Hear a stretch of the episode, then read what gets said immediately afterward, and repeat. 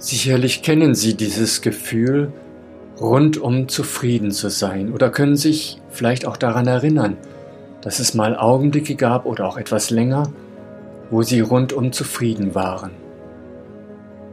Eigentlich hat jeder Mensch in uns solche Augenblicke in Erinnerung oder auch zumindest die Sehnsucht danach, wenn ich doch mal wieder ganz zufrieden wäre. Doch die Frage, die eigentlich jeder Mensch in sich trägt, ist, wie kann ich noch mehr von diesen Augenblicken erleben? Meine Erfahrung von vielen Begegnungen mit Menschen ist, es kommt sehr darauf an, wie wir uns ernähren. Ich meine damit nicht in erster Linie unseren Körper. Es ist wichtig, dass wir mit unserem Körper liebevoll umgehen, wie mit einem Freund. Sondern ich meine, so diese ganz tiefe innere Zufriedenheit, das hängt davon ab, wie wir unsere Seele gut ernähren.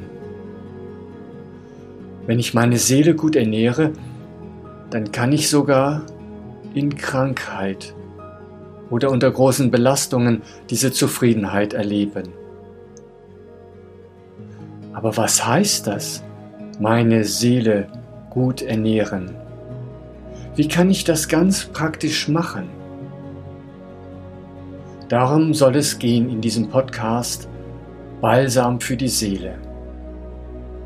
Mein Name ist Dieter Wendorf, ich bin Pfarrer und Seelsorger in einer kleinen Gemeinde in Südhessen, habe nun schon viele Jahre Menschen begleitet und dabei immer wieder wunderbare Momente mit diesen Menschen erlebt, die sich auf den Weg gemacht haben zu mehr Zufriedenheit in ihrem Leben und diesen Weg oftmals nun schon viele Jahre gehen. Zufriedenheit mit sich selber und mit ihrer Welt. Darum weiß ich, wenn wir ein paar Dinge beherzigen, wenn wir immer mehr Zufriedenheit in unserem Leben erleben, die sich ausbreitet wie eine gute Kraft. Wenn Sie wissen wollen, wie das geht, dann lade ich Sie ein, auch die nächsten Folgen dieses Balsam für die Seele sich anzuhören. Gott segne Sie.